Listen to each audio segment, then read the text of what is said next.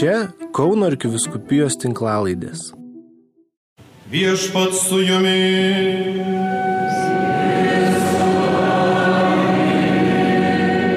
Pasiklausykite Šventojios Evangelijos pagal matą.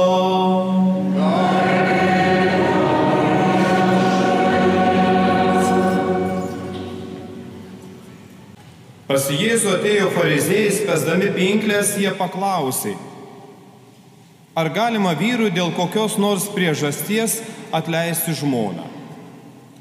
Jis atsakė, argi neskaitėte, jog kuries iš pradžių sutvėrė žmonės kaip vyrą ir moterį ir pasakė, todėl vyras paliks savo tėvą ir motiną ir glausis prie savo žmonos ir du taps vienu kūnu.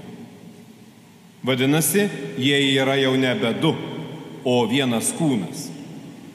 Kad tad Dievas sujungia, žmogus ten neperskiria.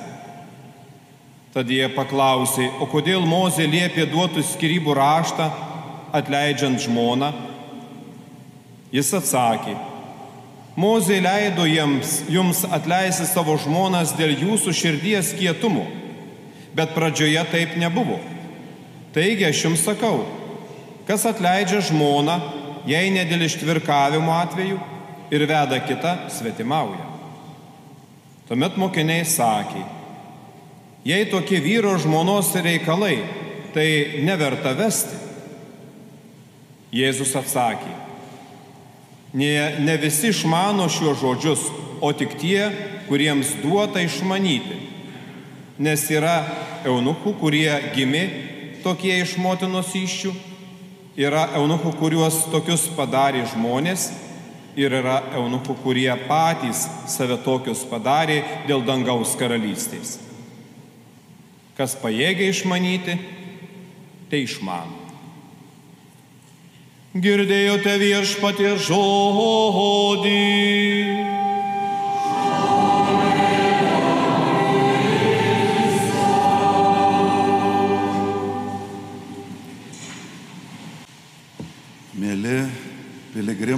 Atvykę į Šiluvą, malonus Marijos radio klausytojai, šiandien susirinkę maitinamės Dievo žodžiu, kuris yra labai svarbus dėl padrasinimo ir to ryštingo viešpaties kvietimo tikėjimu gyventi ir jo kokybę savo kasdienybėje vis labiau įtvirtinti. Štai perskaitėme pirmą skaitinį iš Jozuės knygos. Jis buvo Mozės įpėdinis. Perėję per Sinajaus dykumą, klajonės į išrinktąją žemę keliaujant, būna jis buvo tas, kuris paveldėjo didžio Izraelio pranašo Mozės rolę, nes buvo drasus tvirtas ir Dievu pasitikinti žmogus. Prieš tai izraeliečiam būnant dykumoje buvo pasiūsti 12 žvalgų į Kanano žemę, tą pažadėtąją, kad pasižiūrėtų, kokie ten žmonės gyvena, kokie jų miestai.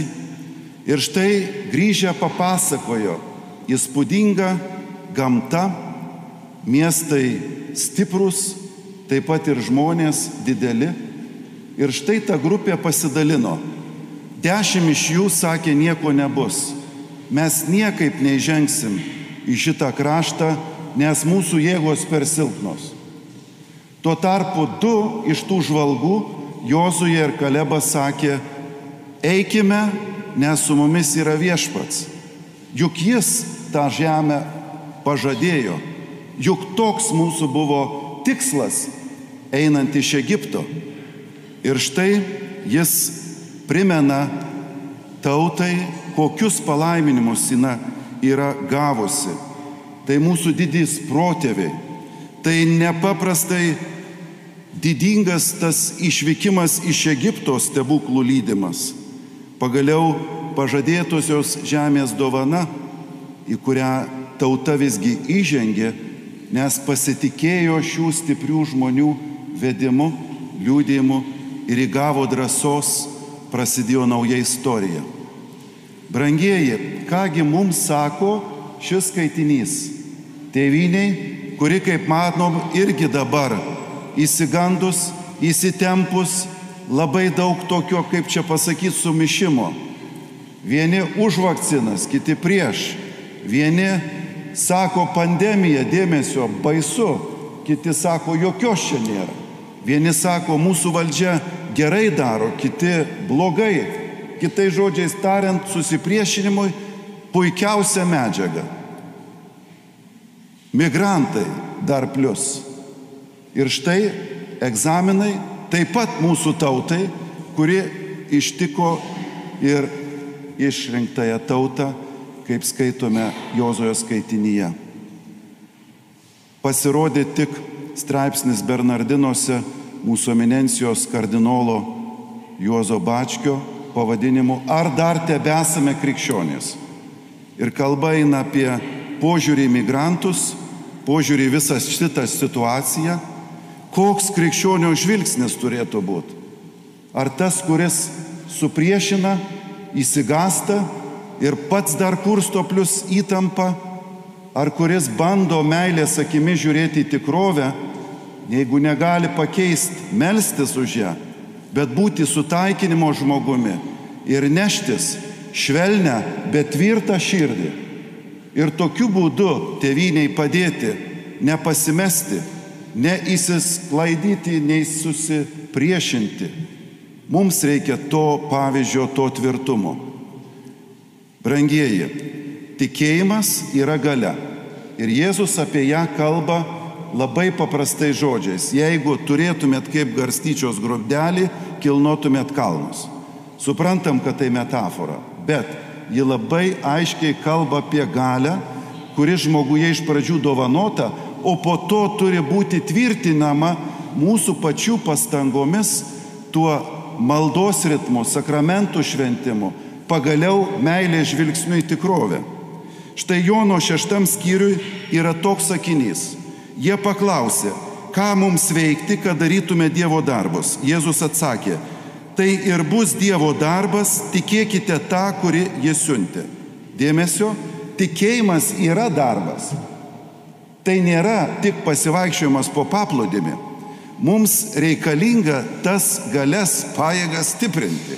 Štai dėl ko jūs brangiai atvyksta čia į Šiluvą, čia dangaus ambasadą, nes mes stiprinamės tikrai didžiais įvykiais, kurie ištiko mūsų tėvynę, mergelės Marijos apsireiškimas, vienas iš pirmųjų e, patvirtintų bažnyčioje Europoje.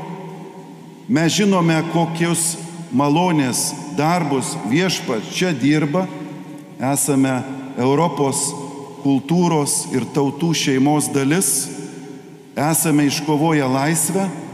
Vienu žodžiu, dalykai yra su Dievo palaimimo einantis, tai dabar mums reikia šiek tiek susikaupti, nepasimesti ir tvirtinti tą galę.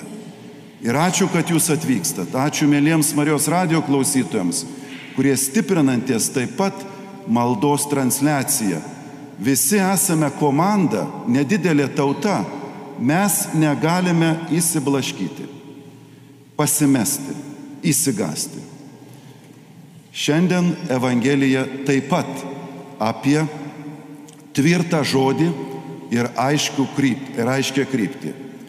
Prieja fariziejai spendžia pinklės Jėzui, sakydami dėmesio, kaip čia yra su santoka. Ar atleisti galima žmogų, na ar ne, juk Mozė leido.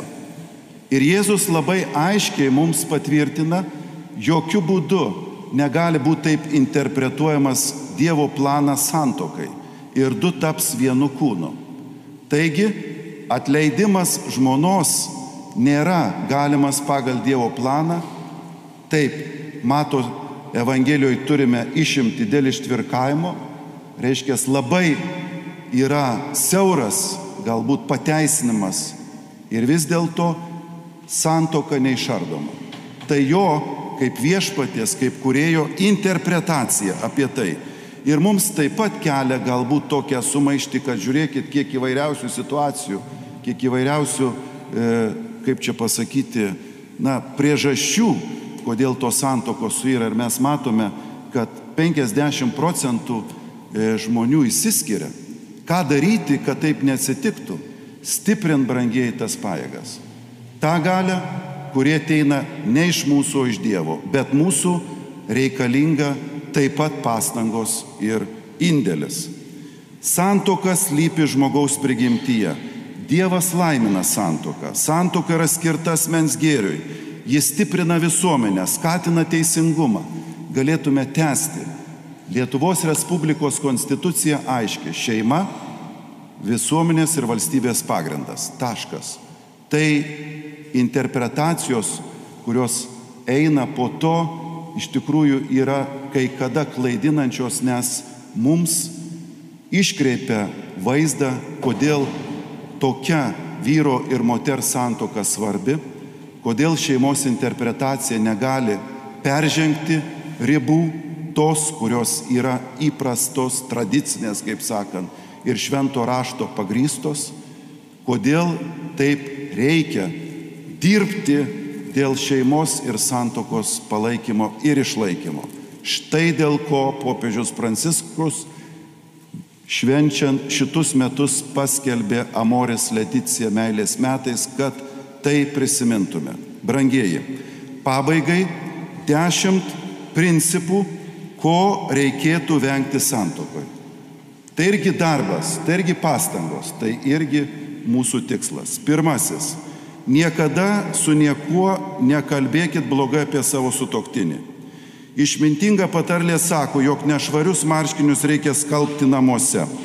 Geriau kalbėtis, įspręsti problemas tarpusavį. Įtraukti trečiuosius asmenis, tai reiškia, kad blogės reikalai, kad šeimos nariai prisimins tai, nebepasitikės. Nuoširdus ir tinkamas bendravimas - geriausias sprendimas. Antra, stenkitės niekada nekalbėti ir negalvoti vienaskaitą. Nuo tos akimirtos, kai abu sutoktiniai ištarė taip, jie tapo vienu kūnu ir siela. Taigi liečia ir materialinės gerybės, bet ir dvasinės. Kalbėti daugiskaitą. Kalbėti taip, mūsų namai. Išėjome pasivaikščiojom. Nutarėme palikti tai kitam kartui. Taigi, bendra gerovė, bendra santaika o ne atskirios stovyklos. Trečia, niekada nešaukite, nekelkite balso. Įprati šaukti, pakelti balsą rodo pagarbos trūkumą, kuris blogina santykius. Tai nėra meilės kalba, yra kitų būdų išreikšti nepritarimą ir skirtumus. Juolab, tai nėra geras pavyzdys, kurį norėtume perduoti vaikams.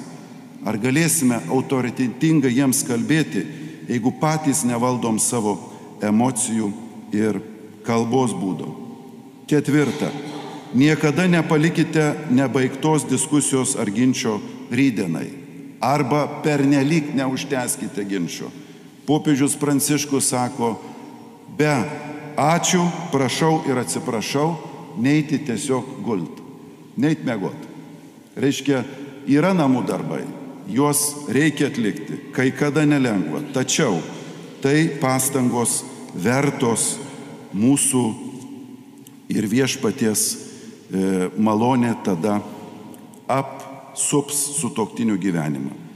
Aiškintis ramiai, apgalvotai, nelikt tik tai su savim, sutoktiniai yra viena komanda, turi stengtis kartu spręsti problemas, o ne kaltinti vienas kitą.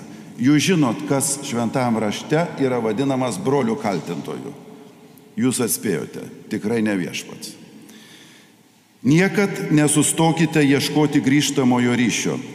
Kai kuriais atvejais sunkių konfliktų, konfliktai kyla todėl, kad ilgai buvo bandoma užblokuoti mažas problemas, kuriomis susidurime kasdien. Jeigu nepatinka su toktinio elgesyje ar įpročiuose, gestas, žodis, reikia kalbėtis, reikia pasakyti, reikia kelt į dienos šviesą. Įspręsti klausimai neleidžia aukti nepasitenkinimui ir problemoms didėti. Šešta.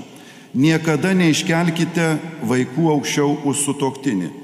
Akivaizdu, jog vaikai reikalauja tėvų dėmesio ir rūpešio, Tačiau reikia įsidėmėti, kad pirmenybę dėrėtų teikti porai.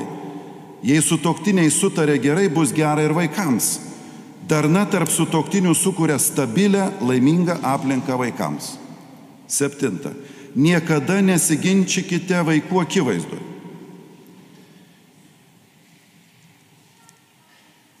Vaikai turi būti vienybės santokoje liudytojai. Ginčas vaikų akivaizdoje ne tik sukelia jiems nesaugumo jausmą, tačiau padaro ilgalaikį poveikį sugeldamas agresyvumą, nerimą ir nusiminimą. Jei kažką turite aptarti, reikėtų tai nukelti tokiam laikui, kai liksite dviese, paieškoti tinkamo momento ir vietos. Aštunta, niekada nepraraskite romantikos. Romantika tai vienas geriausių sutoktinių sąjungininkų, sąjungininkų padentantis bėgant metams išlaikyti meilę. Turi neapsileisti sutoktiniai, savo padovanoti erdvę, laiką, pabuvimą kartu.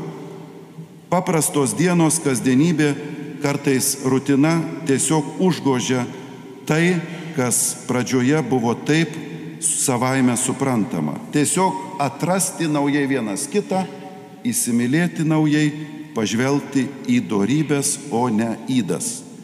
Niekada neįsivelkite į konfliktus su sutoktinio šeima. Devinta. Santykiai su sutoktinio šeima daugeliu porų yra tarsi akmenukas bate. Nereikia lysti į tai, ką galbūt negalim su, suvaldyti, nes broliškas santykis su sutoktinio gimtaja šeima reiškia pagrindą sutarimui ir problemų sprendimui. Ir aišku, dešimta, niekada nepamiršti Dievo. Galiausiai pats svarbiausias dalykas - Dievas turi būti santokos ir šeimos gyvenimo centre. Jei Dievas dalyvauja kasdieninėme gyvenime, priimant sprendimus, namuose karaliaus meilė. Taškas. Atrodo paprasta, ne, bet tai yra tos pajėgos, brangiai. Ta tikėjimo tvirtumo ir paguodos e, žymė, kuri daro mūsų komandas santokas stipresnės, laimingesnės ir apie tai yra mūsų malda, šių metų tema, apie tai mūsų gyvenimai. Būkit brangiai pasveikinti, sustiprinti ir paguosti.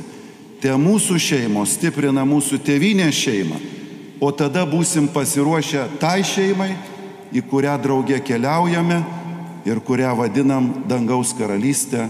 Amen.